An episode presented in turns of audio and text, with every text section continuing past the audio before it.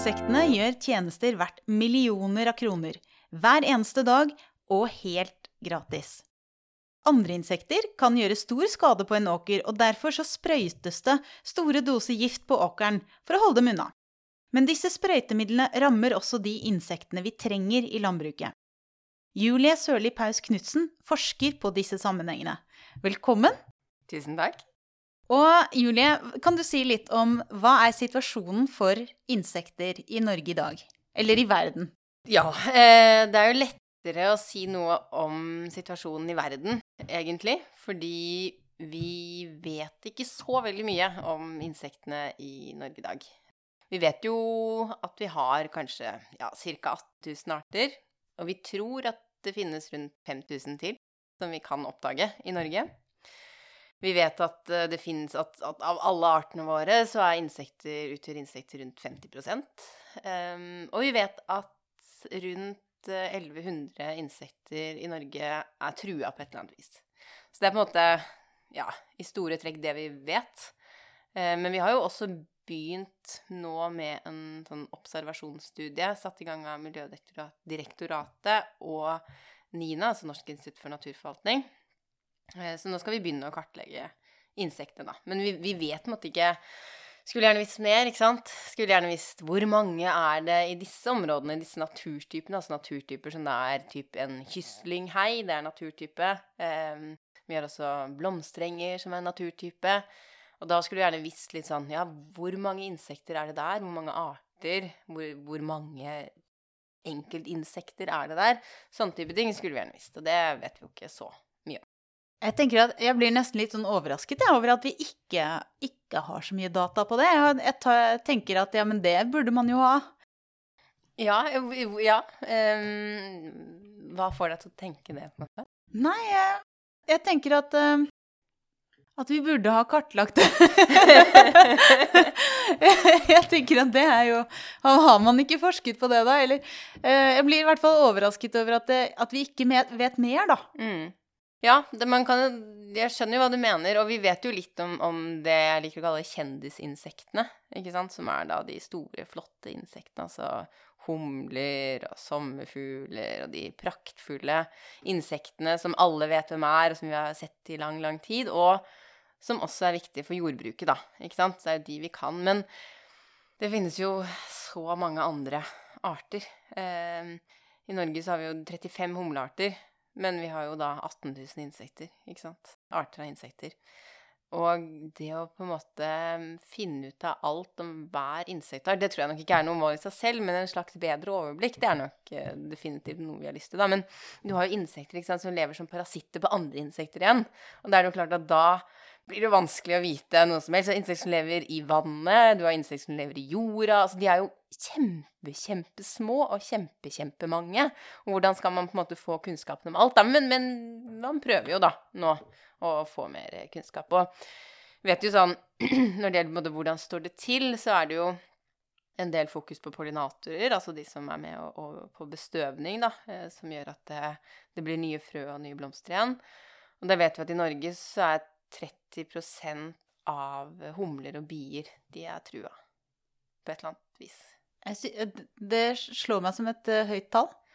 Ja, det er ikke sånn veldig oppløftende det, eh, egentlig. Nei, vi har vel 250 arter, tror jeg, av bier eh, humler og andre bier da, i Norge. Men hvordan eh, Du sa at det er lettere å si noe om, om insektenes situasjon i resten av verden?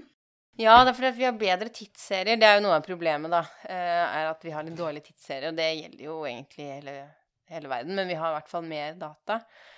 Men så er det sånn hva skal man, Når man snakker om nedgang, hva skal man si når det er nullpunktet? Hva skal man starte fra? Skal vi starte for 50 år siden? Skal vi starte for 100 år siden? Hvis vi tar 100 år siden, da, så kan vi se da, ok, hvor mye har liksom nedgangen vært da for 100 år siden og fram til i dag?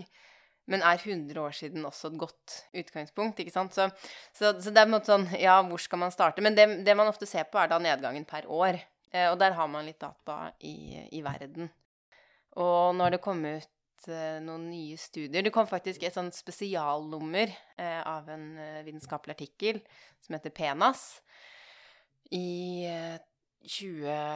Var det 2021? eh, Det var et spesialnummer bare for insekter, og det het Death by a Thousand Cuts. Og det er da en kinesisk eh, torturmetode, eh, som er altså et kinesisk navn. Den ble avskaffet i 1905. Men den handlet da om at man eh, kuttet opp mennesker helt til de døde. En veldig langsom og grusom torturmetode. Eh, som faktisk ble praktisert også etter at den ble, ble stoppet da, i 1905. Men eh, poenget er vel bare det at det er veldig mange ulike kutt som påfører insektene skade, da. På lik linje med det mennesket som blir torturert, ikke sant. Um, og i det, i det, nummeret så hadde de en oppsummering av insektenes tilstand. For det har jo kommet veldig mange artikler de senere årene om hvordan det går, og noen har jo sagt enorme tall. ikke sant? At nå forsvinner insektene de neste 40 årene. Eh, mens andre har vært mer restriktive, og, og det kan vi for snakke om senere. Men det de skriver i den artikkelen, er at man regner med at insektene kan gå ned mellom 1 til 2% i året. Og det er jo egentlig ganske mye. Dette er de landlevende insektene, da. Eh, man ser faktisk at insekter som lever i og rundt vann, eller hele eller deler av livssyklusen sin i vann, de går litt opp. Men for de landlevende insektene så går de da ned med ca. 1-2% Men det er vanskelig å si akkurat det tallet, altså. Det er ikke noe sånn Sånn er det. Nei, det, det skjønner jeg. Eh, og særlig hvis det er sånn at man kanskje ikke eh, vet så mye. Og så sitter jeg og tenker at uh, hvordan var datasettene i 1920, liksom? Det er, vel, det er, vel, ikke så lett å si hvor representative de, de var heller. Nei, og det er også på en måte litt problem. For det første så har vi lite data fra 1920, ikke sant. Det er, de fleste studiene er jo mye kortere. Altså mye kortere tidsintervall enn det. Da 30 år, 20 år, 10 år, ikke sant.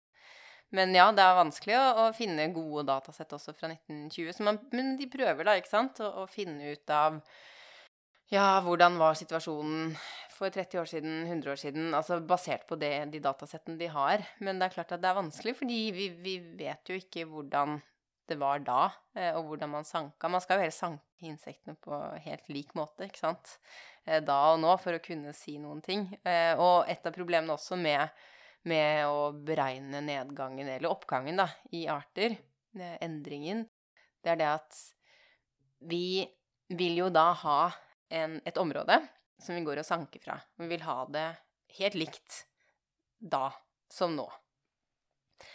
Men mye av det som skjer, er jo utbygging, ikke sant?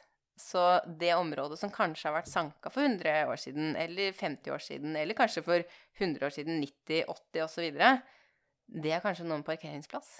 Eller et boligblokk. Eller eh, et kjøpesenter. Ikke sant? Og da er den, den lokasjonen, eller det stedet, det er der borte. Og det er vel her, her man kommer inn på dette med 'death by a thousand cuts'. Altså, der kan jo ikke insektene leve lenger, så da er det et av kuttene for og kanskje en av forklaringene på at det kan ha gått nedover, da. Men, men, kan du si noe om hvilke ting er det som truer insekter i dag? Ja, det er jo hovedtrusselen, da. Er jo nettopp det med at, vi, at de mister leveområder. Ja. De mister maten og steder å bo. Så det er på en måte Ja, det er vel den vi sier er den største trusselen, da.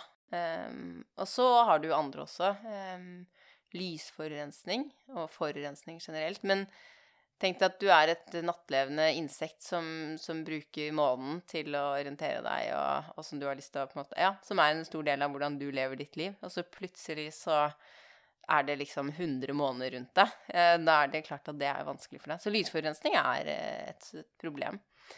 Og så har vi jo klimaendringer. Men klimaendringer er jo et slags sånn tveget sverd, fordi på den ene siden eh, så er jo klimaendringer kan være positivt for noen arter, fordi at eh, de kan leve flere steder. Fordi det blir varmere noen steder, så kan de plutselig på en måte utvide der hvor de lever. Fordi de var sånn Her lever jeg i min temperatur. Jeg kan ikke dra lenger nord, fordi lenger nord er det så fryktelig kaldt. Og så er det sånn Ja, lenger nord så ble det litt varmere nå. Da drar vi dit. Men på den annen side så er det jo også arter som, som ikke klarer det så bra. Når det blir varmere i f.eks. Eh, fjellområder, så vil jo da insektene kanskje miste eh, sine leveområder fordi de blir varme, så kryper de lenger og lenger opp på fjellet, og så blir områdene deres mindre. Og man tenker også at arter i tropene kan være spesielt utsatt for eh, klimaendringer, da. At det blir for varmt, rett og slett? Mm, at det blir for varmt, ja. Man ser det på humler også. At, man, at de har fått et um, I hvert fall en artikkel uh, som jeg leste nå, som gjaldt for noen uh, arter uh, av humler. Der hvor de istedenfor å utvide lenger nord, som man skulle trodd at de ville gjøre dersom det ble varmere lenger nord og de trengte litt mer varme, så blir bare grensen fra sør smalere. Så de bor på en måte i et tynnere og tynnere belte, da, kan man si. Ja, Det gjelder jo ikke for alle humlearter, men noen, for noen humlearter så, så, er det sånn. Men hva skjer når noen av de insektene som kan flytte på seg, gjør det? Kan de da fortrenge arter som allerede lever der? Ja, definitivt. Det er mange Altså, det er jo også en av truslene, da. Det er det vi kaller invaderende arter. Som, eh, som kommer og opptar mat og områder å leve i, da, fra andre insekter. Vi kaller det jo nisjer, da, altså at man har en sånn bitte lite det, det er sånn man har en, en jeg er et insekt, så spiser jeg kanskje de blomstene. Eh, og så bor jeg i den type jord, og så liker jeg den temperaturen Ikke temperatur, for det er en annen faktor, men altså alle disse tingene eh, som er på en måte rundt meg, det er min nisje. Og eh, da er jeg litt sårbar hvis det plutselig kommer en art som ikke har noen naturlige fiender. For hvis jeg som insekt blir spist av de fuglene, så kommer det plutselig et annet insekt som ikke blir spist av de fuglene, for det andre insektet smaker kanskje vondt. Da har jo den kjempekonkurransefordeler overfor meg. Og da vil den komme, og fordi den er større enn meg, sterkere enn meg, så vil den på en måte fortrenge meg da, fra min nisje eller mitt lille måte, område. Og det ser vi jo da med disse invaderende artene. Da har vi en liste som heter ja, Tidligere kalte vi det svartlista, og det sier vi jo ikke lenger. Eh, men Hva har den bytta navn til? Det er vel listen over invaderende arter, da. Ja, jeg tror svartlista kanskje ikke var ok. Det, det, er, det er, jo også flere grunner, da. Eh, nå har vi jo vært gjennom klimaendringer, vi har vært gjennom eh, områder som blir fjernet, eh, invaderende arter, forurensning, og til slutt så er det jo det jeg eh, driver med, da, som er eh, plantevernmidler, eller sprøytemidler, som det også heter da. Mm. Kan du fortelle litt om, eh, om, hva det er du forsker på? Og du kommer litt, grave litt mer i sprøytemidlene. Gå inn i de, ja. Jeg kan jo starte litt med, med på en måte hvordan Hvorfor dette er interessant, da. Og det er jo det vi snakker om, at ja, insektene Uten at vi på en måte kan si noe bombastisk om akkurat hvordan det går med insektene, for det er jo mye data der ute, og veldig mye av den dataen eh, Eller de, ikke veldig mange, men noen av de studiene som blir publisert, de er ikke helt korrekte. Eh, og det er veldig viktig å tenke på. Ja, det kan du spørre om. Ehm, det kom den første artikkelen som ble publisert som fikk ganske hard medfart. Det var, Kanskje du husker den? Det var i 2017. Så kom det en tysk studie fra noen naturreservater i Tyskland.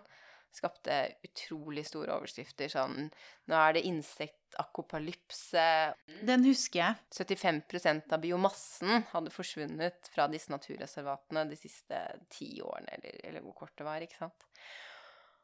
Og det den fikk Det, det fikk jo ulik kritikk, da, men, men noe av hovedkritikken mot den artikkelen var jo det at de hadde brukt For det første hadde de brukt biomasse, som da er vekten av insektene.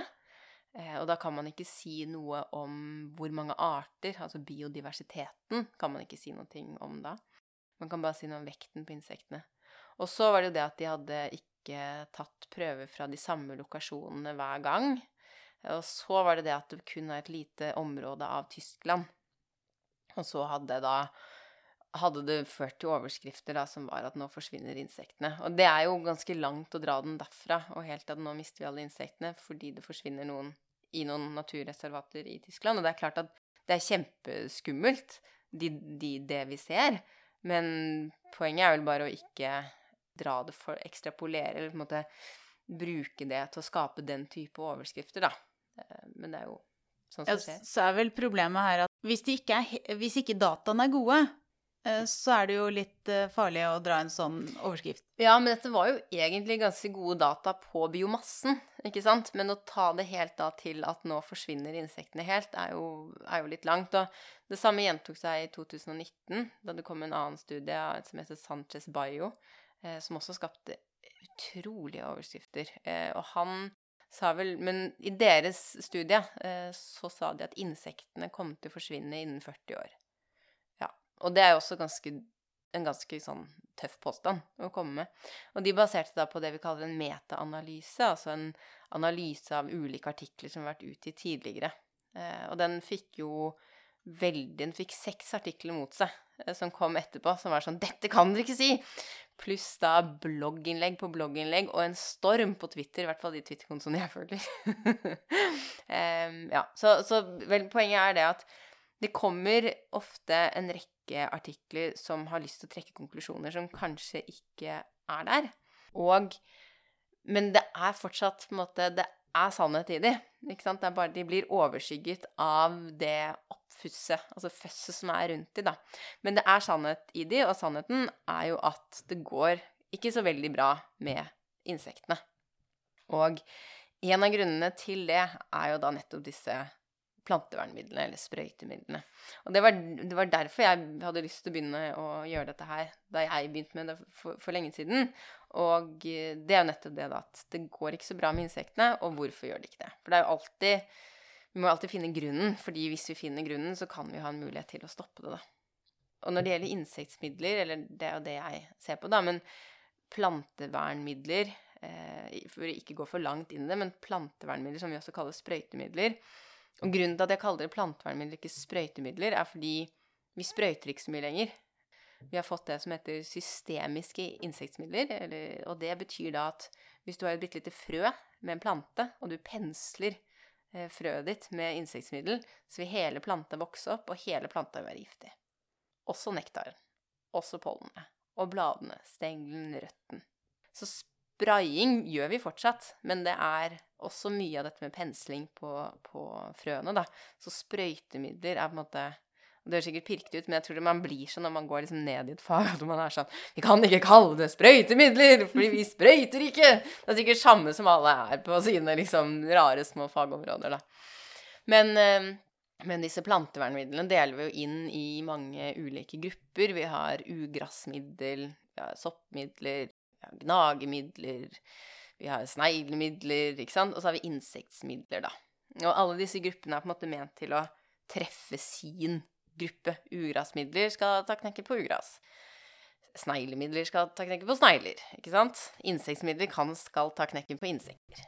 Blir alle, alle, grønnsaker vi på en måte spiser fra kommersielt landbruk, blir alle liksom penslet med alt, eller? Det er ikke alle som, For det første er det ikke alle som blir penslet. Og, eh, men, men, i vanlig kommersielt landbruk så blir det brukt eh, plantevernmidler. Det gjør det. Mm. Hvis ikke det gjør det, så kaller vi det gjerne økologisk landbruk, da. Ja. Mm. Men uh, hva, hva, slags sprøytemidler eller plantevern eller insektvernmidler eller soppvernmidler eller, uh, bruker man i økologisk landbruk, da? Fordi jeg tenker jo at det, det er jo insekter og, og ugress og snegler der òg. Ja. Sist gang jeg var på radio Eller er det fred og harmoni? Ja. Nei, man bruker, man bruker, ulike ting der. Eh, men i økologisk eh, landbruk så bruker man jo f.eks. Eh, rovinsekter. Eh, som marihøner, som da tar andre mindre insekter. Men man bruker også såkalt Naturlig er vel måte, feil å si, men plantevernmidler som er utvunnet fra planter, da. Det gjør man. Mm.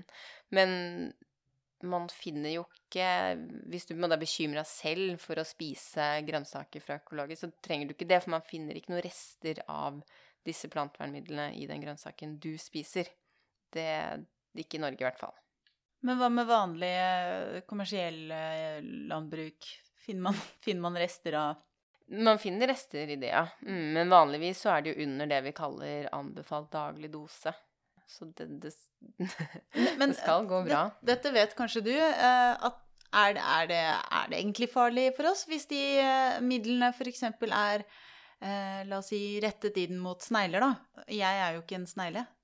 Du er ikke en snegle. Eh, nei, det er jo mye mindre farlig eh, for oss enn for sneglene, selvfølgelig. Og det er jo litt mm, av det som er historien med insektmidlene også. Og spesielt måte, de nye insektmidlene vi bruker nå, de er jo ment for insektene og skal ikke være farlige for oss. I hvert fall ikke de lave dosene vi får i oss, da. Så det er ikke noe å være bekymra for eh, når det gjelder akkurat insektmidlene i, eh, i grønnsakene. Tilsynelatende, da, det vi vet i dag. Men, og det er alltid men, det er det at um, det er en Insektmidlene har jo lang historie. Vi brukte, begynte å bruke insektmidler fra 1000 år før år null, eller Kristus, da, før Kristus, som man, som man sier. Og da brukte man jo helt andre type midler enn man brukte i dag. Man brukte jo Homer skrev i Iliaden og Odysseen om hvordan de brukte svovel for å kvitte seg med lus, ikke sant. Så dette har vi brukt lenge.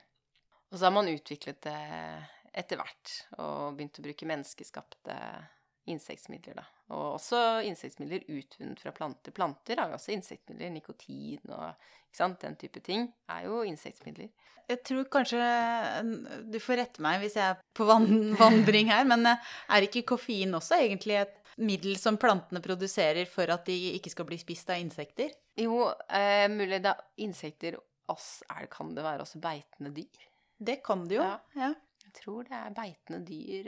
De har jo også, for det er jo også mye av plantenes forsvarsmekanismer er mot beitende dyr, da. Og så har du også mot insekter. Så det er mange, mange sånne stoffer. Du har jo også, og dette er jo på en måte på siden igjen, men du har jo også planter som lager midler mot andre planter, ikke sant, for at de ikke skal kunne vokse der. For å, det er en type konkurranse, da, der hvor planter lager plantevernmidler, eh, eller ugrasmidler, da, sånn at det er bare de som vokser i det området. Så, så, ja. Så det er Altså, kjemikalier er eh, overalt i alle Veldig mange planter, og det er ikke noe på en måte nytt vi mennesker har vært sånn Ja, det skal vi bruke, for, for det er det ikke. Men forskjellen er jo at vi lager de mye mer sterkere og effektive, da, kan man si.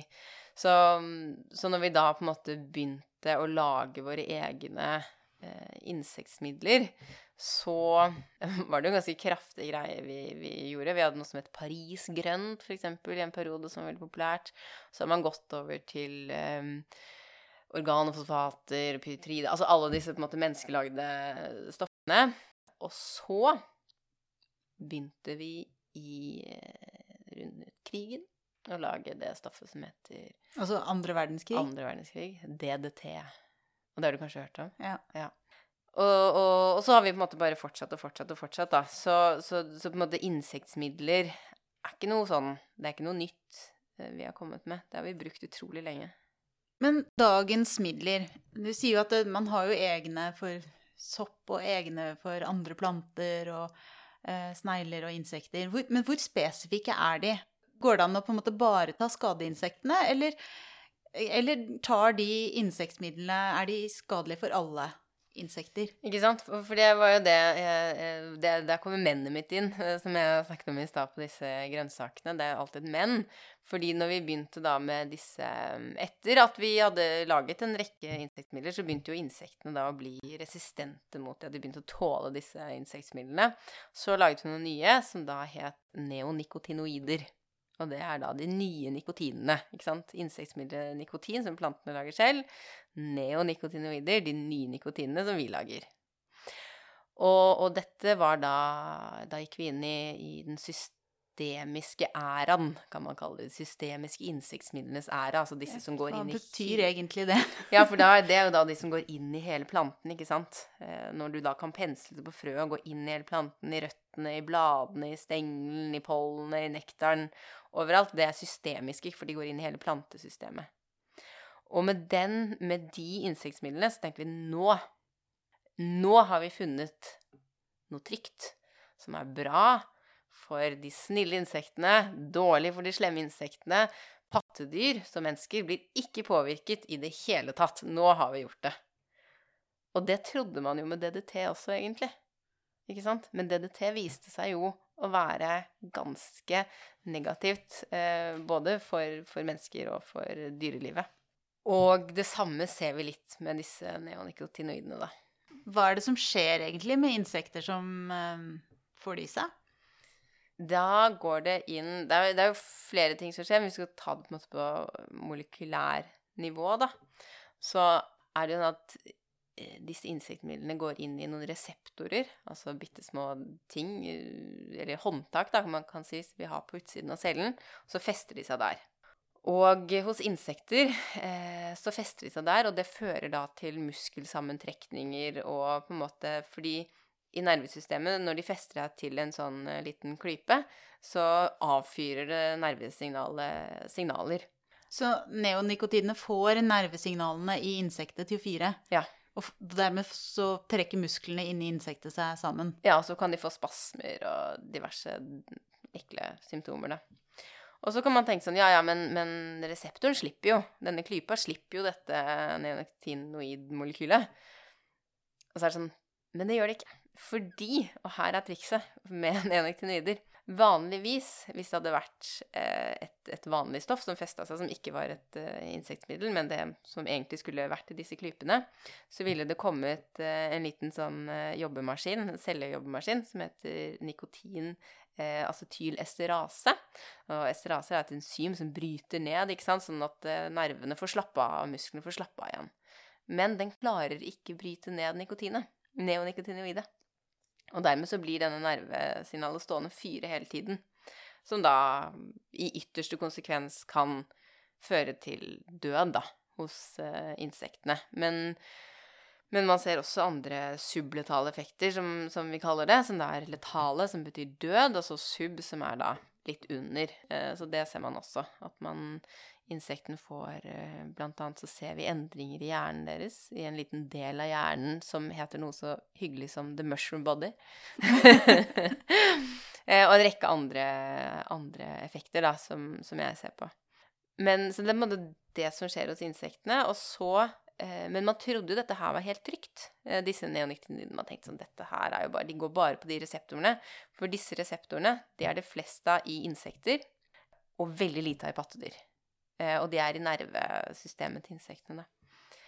Og så trodde man av en eller annen grunn at ikke det kom til å påvirke de insektene vi liker. Men så gjorde det det. De insektene vi ikke liker, det er jo det, de som spiser matplantene våre, da, typisk. Eller de plantene som vi har penslet omhyggelig og ja, ja. nøye med plante... Og, nå ser jeg for meg at det sitter en liten person og bare pensler frem. Det er store maskiner som gjør det der. ja. Men den penslingen skapte et bilde i hodet mitt, i hvert fall, av at det liksom, man har lakkert et lite frø. um, men i hvert fall så er det jo Det er jo ting som vi gjør med, med kommersielle planter. Mm. Uh, og de insektene som spiser kommersielle planter, det er liksom det vi da kanskje i denne podkasten akkurat nå har omtalt som slemme insekter, selv om det ikke fins. Men, men, de snille insektene, er det de bare surrer rundt og gjør andre ting, eller? Ja, altså, ja, det, du har helt rett. Vi skal ikke kalle det slemme insekter. Insekter er jo slemme. Det er vi som har plassert i et bilde som slemme insekter, så det, det, tar jeg tilbake igjen helt klart. Men de insektene vi ikke vil ha, da, det er de som spiser på avlingene våre, da. Som vi Vi har jo brukt utrolig mye penger på å bli kvitt disse insektene her, ikke sant? Og, og når vi har brukt så mye penger og så mye energi på å drepe insekter, fordi det er jo det vi har gjort, og det vi har lyst til i, i stor grad for veldig mange insekter, så er det ikke så rart at vi drar med en hel rekke andre hyggelige insekter med i dragsuget. Og da er det jo litt merkelig, på sett og vis, at vi plutselig nå er sånn Nei, nå har vi skjønt hva vi har gjort dumt. Nå må vi reversere det. Men finnes det noen, noen uh, midler, da, som ikke tar uh, som, som, er spesifikke mot de insektene vi ikke ønsker? Det er jo det vi tror hele tiden, da. ikke sant? Hvis vi går tilbake til disse neonikotinoidene, så, så kom det på markedet Første gangen det kom på markedet, var vel på 90, tidlig 90-tallet. Og så begynte birøktere i Italia, Frankrike å melde om biedød i 1998-1999. Og det var jo med disse innsiktsmidlene vi trodde var helt fantastiske, som ikke kom til å gå på, gå på de insektene vi bryr oss om, da. Ikke sant? Og, og så har det jo for så vidt også vist seg at disse neonikotinoidene også er skadelige for batter. Ja. Så det, det, var det mennene. At uh, selv om vi tror noe er godt og bra, så, så, er det ikke alltid det. Og det er det vi ser nå med nye typer insektmidler som skal være trygge. BeSafe kaller vi det. I artikler så står det dette er et BeSafe uh, insektmiddel. Og det, det er jo vanskelig å si at det er be safe når vi ikke vet nok om det. Mm, fordi det er to nye insektmidler som virker på ganske lik måte som disse neoniktinidene, med å, å påvirke disse reseptorene da, i nervesystemet, som har blitt godkjent på markedet nå, i 2015-16. Også lov å bruke i Norge. Det heter sulfoxaflor og flupiradifuron. Og eh, disse to er da merket som Be Safe. Eh, og det er basert på studier som er gjort av insektmiddelprodusentene. Ja. Og det er vi skeptiske til, eller? Det kan man være. Mm. Eh, og noe av grunnen til å være skeptisk til akkurat det, er jo for det første fordi disse, disse testene de gjør, de er jo beskrevet i EU, altså i EUs dokumenter. De skal gjøre de sånn og sånn. Men de er for dårlige, de testene som EU har, har uh, laget for bier og insekter. Og når vi ser på historien med neoniktinidene, så var det jo åpenbart for dårlig. Fordi vi vet jo hvor skadelige de er nå. De ble godkjent. De ble tatt i bruk som Be Safe. Og vi så ganske tidlig at de var på ingen måte Be Safe. Men de nye midlene, da, er det sånn at de da går på andre reseptorer, eller er det, er det vesentlige ting der som gjør at man har grunn til å, å tro at de virker noe annerledes? Hovedforskjellen på de nye insektmidlene som ligner på disse neoniktinidene, da, er at de har en litt dårligere De binder seg ikke like godt til reseptorene, og de skal visst også da slippe litt eh, raskere. Men da bruker vi jo mer av det. Det er jo Man bruker mye mer. Altså, det er lov til å bruke mye mer av disse nye enn de gamle. Så Men, men, men jeg Det har ikke kommet noen konklusjoner på hvorvidt de er skadelige for insekter eller ikke, men i de studiene jeg har lest Nå har jeg lest uh, de som finnes, for det er ikke så mye studier på det ennå, så eh, viser de effekter på bier som ikke er veldig bra. Ja. Fins det noen måte å drive landbruk på som ikke er en evig krig da, mellom insekter? Altså, I økologisk landbruk så sier du at ja, men da bruker man rovinsekter i stedet. Et eller annet gjør vi jo på en måte uansett. Ja, eh, det gjør man, men spørs Altså, da går vi inn på landbrukspolitikken og hvordan vi har lagt opp landbruket vårt. Og det jeg tenker der, er at vi må prøve å gjøre det på en mest mulig skånsom måte med minst mulig bruk av insektmidler, fordi vi vet at insektmidler og andre plantevernmidler er en av hovedgrunnene til at insektene forsvinner. Og hvis vi virkelig mener noe med det, så, så må vi jo ta konsekvensene av det. Og, men, men, det er klart at det er jo vanskelig å, å, drive landbruk. Men vi ser jo den intensiveringen av landbruket som skjer over store deler av verden, med enorme eh, åkre eh, som bare er planta med ene, den ene arten, og ikke noe gress imellom, ikke noe åkerkanter, altså den type ting med mye sprøyting, det er jo ikke, det er jo ikke bra. Men hva kan vi gjøre da i landbruket for å, for å på en måte ta best mulig vare på insektene og, og biomangfoldet? Nei, man kan jo f.eks.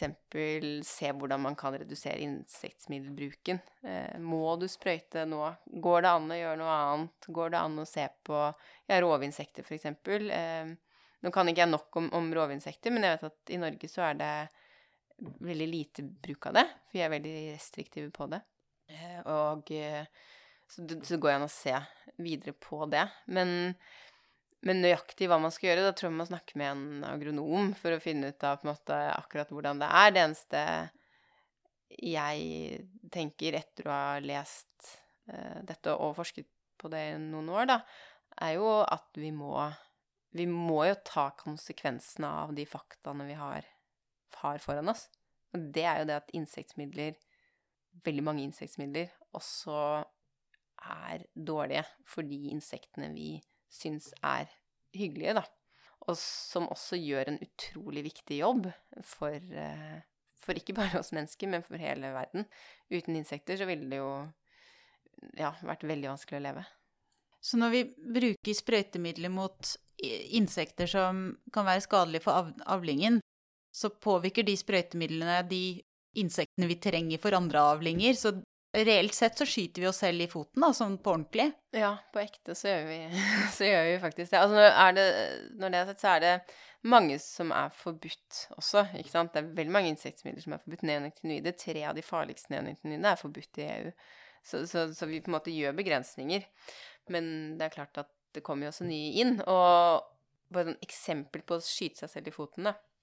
I tillegg til at du kan drepe de nyttige insektene også, så kan du faktisk få mer av de insektene du ikke vil ha. Eh, det er gjort eh, studier på det, eller at man har observert da, at eh, når man har sprøytet med ulike insektmidler mot si lus, som er ofte vanlig å sprøyte mot, så dreper man også rovinsektene.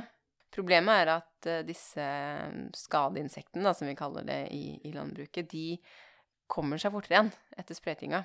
Mens rovinsektene, som tidligere var der, faktisk holdt bestanden nede, de blir det færre. Så dermed så får du summa summarum flere insekter du ikke vil ha, enn eh, det du hadde før du begynte å sprøyte. Et veldig godt eksempel på det er Det er jo fra lenge siden, da, men det er fra i 1980 eh, rundt 1987 Nei, unnskyld, 1887. I eh, USA, i California, så var det mye sitrusdyrking. Og da hadde de fått eh, Plutselig så fikk de en type bladskjoldlus på disse sitrustrærne. Klarte ikke å bli kvitt den. Men de visste det at denne bladskjoldlusen kom fra Australia. Så da sendte de en biolog til Australia. Det tar jo forferdelig lang tid å dra fra USA til Australia i 1888. Det var da han dro. Men han dro nå en gang dit, og hans mål var å finne insekter som skulle spise disse bladskjoldlusene som ødela hele sitrusplantasjen eh, i California. Og han dro ned, og han lette og han lette, og til slutt så fant han to arter. Han fant en han hadde kjempetroa på, det var en liten sånn parasittflue. Som han tenkte denne her, den, den, den tar disse bladskjoldlusene. For det gjorde den i Australia. Og så fant han en marihøne. Og så sendte han de tilbake igjen til, eh, til eh, USA, da. Da var det vel sånn rundt 120-150 individer han hadde av hver av disse artene, og de satt de da på disse sitrustrærne med bladskjoldlusene. Denne parasittflua som han hadde klokketro på, den klarte ikke jobben der borte. Men marihønene plasserte da på et tre, tok de nett over, og innen veldig kort tid sikket de under nettet igjen. Ingen bladskjoldlus. Og så begynte de da å sette ut sette marihøner på alle sitrustrærne.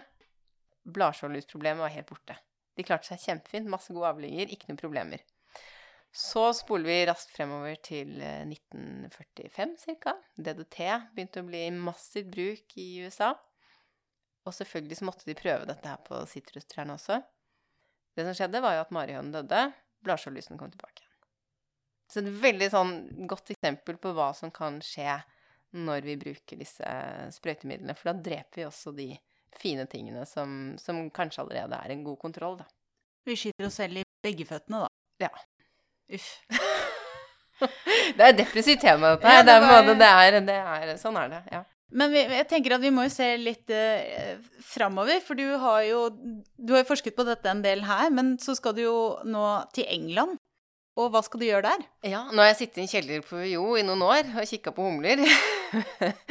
Både masteroppgaven min og nå doktorgraden. Så det har blitt noen år eh, og noen timer i de kjellerne på UiO, ja. Og nå får jeg endelig lov å være ute i friluft igjen, så jeg føler meg som en sånn Ja, nesten sånn insekt som har blitt sluppet fri fra, fra vinterdvalen. Endelig får jeg lov til å fly. Eh, nei, vi skal til England, og da skal vi se på um, mye forskjellig. Men vi skal bl.a. se på hvordan humler pollinerer når de da har spist et neonektinoid og dette nye insektmiddelet som er lov til å bruke nå, flupiradifuron. Nå skal vi sammenligne de to, da. Og vi skal se på hvordan humler eh, pollinerer jordbærplanter og bønneplanter. Mm.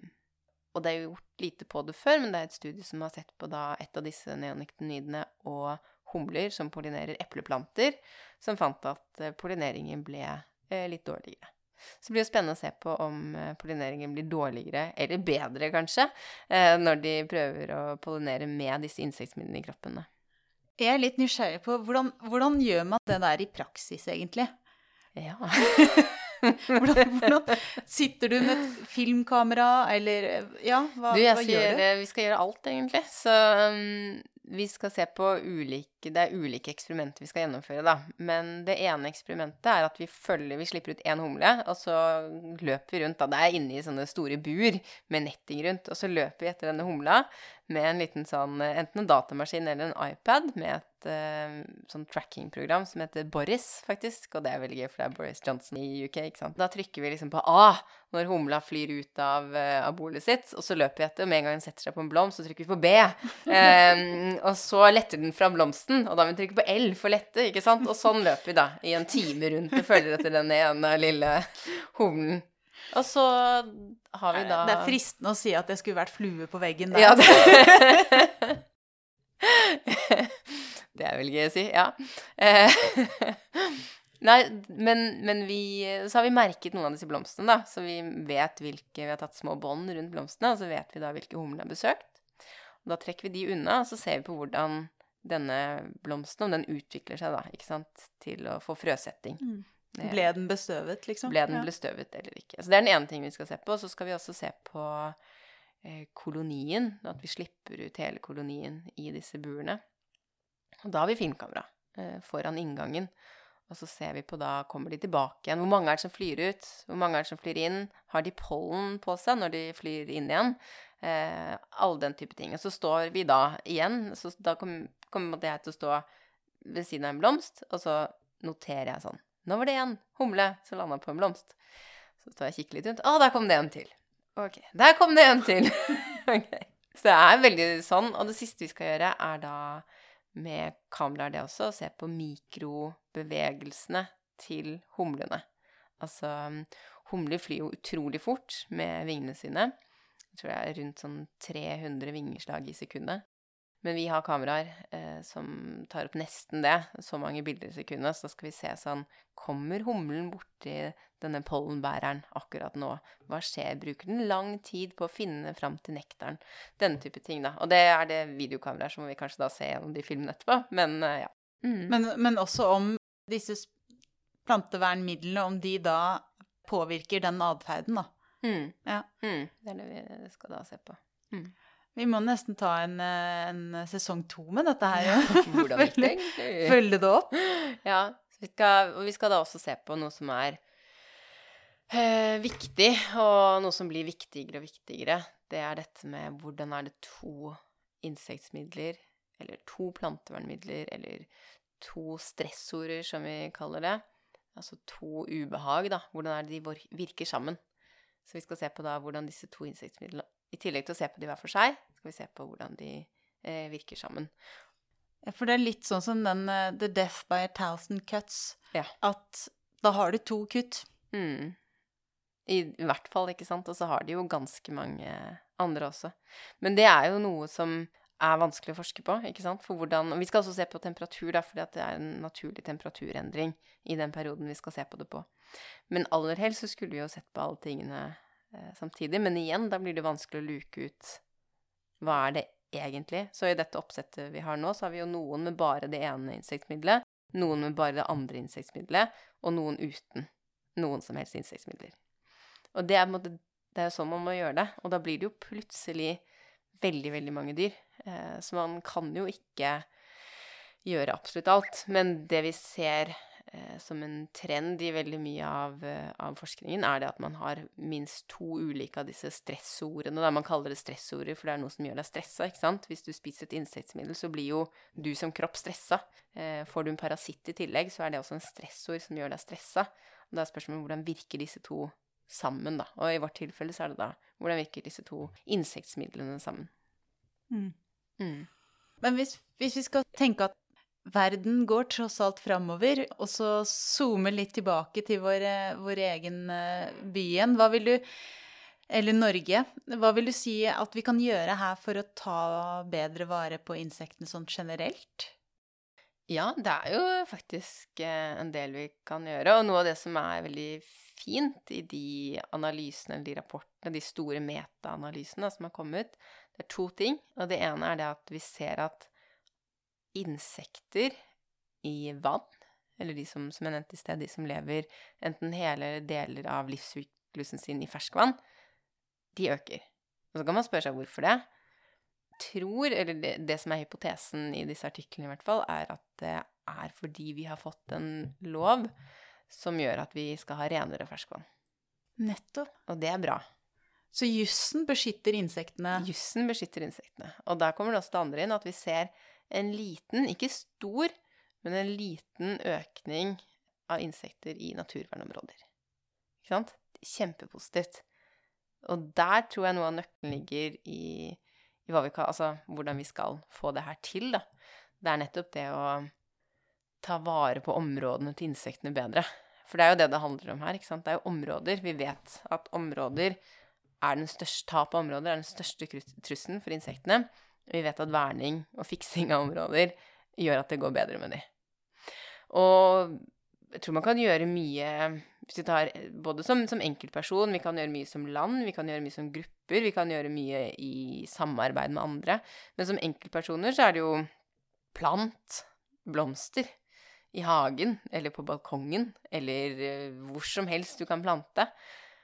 Og ha liksom Ha en litt rotete hage. Eh, ha litt uh, buskas og litt løv og litt sånn steder som du tenker sånn Hvis jeg ville, hvis jeg ville så, ok, jeg tenker sånn Hvis Finn et sted, eller lag et sted i hagen der du tenker sånn Her kommer jeg til å finne saksedyr. Ikke sant? Det, det, det bør man ha i hagen. Um, og så kan man jo også på en måte bli med i grupper eh, som jobber for å få til lover og regler og initiativer i Norge. Sånn insekter i Norge på Facebook, eksempel, har 10 000 medlemmer. Sommerfugler i Norge jeg tror jeg har syv og et halvt. Du har La Humla Suse, eh, som er en organisasjon for humler. Alle disse tingene her er jo med på å bidra til bevisstheten om insekter, og til å også hjelpe å få i gang lover, eh, reguleringer, tiltak, midler for å drive ulike initiativer. Man kan søke om penger til å plante blomstereng. Absolutt ikke nok penger som finnes, men man kan gjøre det. Og jeg tror den type ting, å være med i sånne ting, hjelper faktisk kjempemasse. Ja, definitivt. Og så er det en viktig ting, og det er at vi må bare snakke veldig hyggelig om insektene. Vi må være sånn Ikke være sånn 'Nå skal jeg drepe den myggen'. Da må du prøve sånn tenke sånn Jeg sier ikke at alle skal gjøre dette, men det var noen tenkte sånn Ja, men vi må huske på at, at myggen også er med på å pollinere, faktisk. Og at myggen er mat for kjempemange fuglearter rundt omkring i verden. Da må vi bare velge pasifistmetoden. Eh, sitte stille og liksom bare Nei, du Nei. kan slå den myggen. du kan det. Det er mer enn sånn hvis du liksom er sånn 'Å, jeg hater mygg, hvorfor trenger vi mygg?' Så, så, kan man jo tenke sånn Ja, men de er kjempeviktige for, for fugler. Vi har jo Jeg tror flesteparten av fugler spiser insekter. Og vi ser at de fuglene som spiser insekter i jordbruksområder, altså der hvor det drives landbruk, da, de går ned. Antageligvis da fordi insektene Eller det virker som en kobling, i hvert fall, mellom at insektene forsvinner og at fuglene går ned. Så, så, så, tenk liksom hyggelige ting, da. Ser du en edderkopp Nå er edderkopp riktignok ikke et insekt, da, men, men, man tenker jo ofte på de som små krypende vesener. Så istedenfor å måtte være sånn Å, den skal jeg drepe. Så tenk sånn Ja, men den, den spiser jo alle de andre insektene jeg har i, i, huset mitt. Kanskje det er positivt. Og, og så blir jeg veldig sånn irritert over at det kommer oppslag i avisa om sånn Nei og nei, her er det masse skjeggedyr. Vi kan ikke selge leiligheten, vi må få reduksjon i prisen, ikke sant? Og det er sånn det, det, Nå må vi slutte. Skal vi liksom leve inni et sånt bitte lite sterilt rom uten noen som helst insekter? Jeg skjønner det er kjipt hvis det drypper insekter ned i Nei, skjeggdyr ned i ansiktet ditt, det er ikke det, men hvis du ser et lite skjeggdyr på badet, så er det ikke full krise, og du må få en på forsikringa fordi det er et insekt, på en måte. Og de må vi være litt uh, hyggeligere med, da. Ja. Så det, det, tror jeg også er viktig, da, at vi, at vi, også lærer barna våre til å være nysgjerrig på den tordivelen, og snakke litt om hva er det humlene gjør, og hva er denne lille mauren, og se litt på den, og være litt sånn nysgjerrige og, og hyggelige og imøtekommende til barn som syns ting er spennende, da, istedenfor å være sånn ik, æsj, børst bort den mauren. Så må vi heller omfavne den nysgjerrigheten til de barna og, og bli en del av deres univers, da, for de syns jo insekter er spennende. Da tror jeg det, vi lar det bli siste, siste ord og en sånn slags eh, prikken over i-en. Tusen, tusen takk til deg, eh, Julie Sørli Paus Knutsen, for at du ville være med her.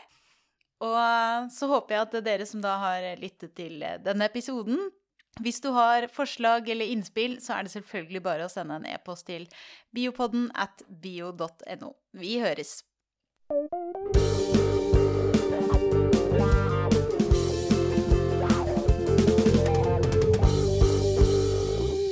Har nå hørt Biopodden intervju med Elina Melteig, og med på laget har jeg også Torborg Galtland, daglig leder i Norsk biologforening. Musikken du hørte, er laget av biologibandet Overgump og består av Even Sletteng Garvang, Markus Fjelle, Erik Møller, Mathias Kirkeby og Audun Rugstad. Fortell gjerne om podkasten til venner og kjente, og gi oss tips og tilbakemeldinger på e-posten biopodden at bio.no. Og hvis du vil støtte oss, er du hjertelig velkommen som medlem av Norsk biologforening. Vi høres!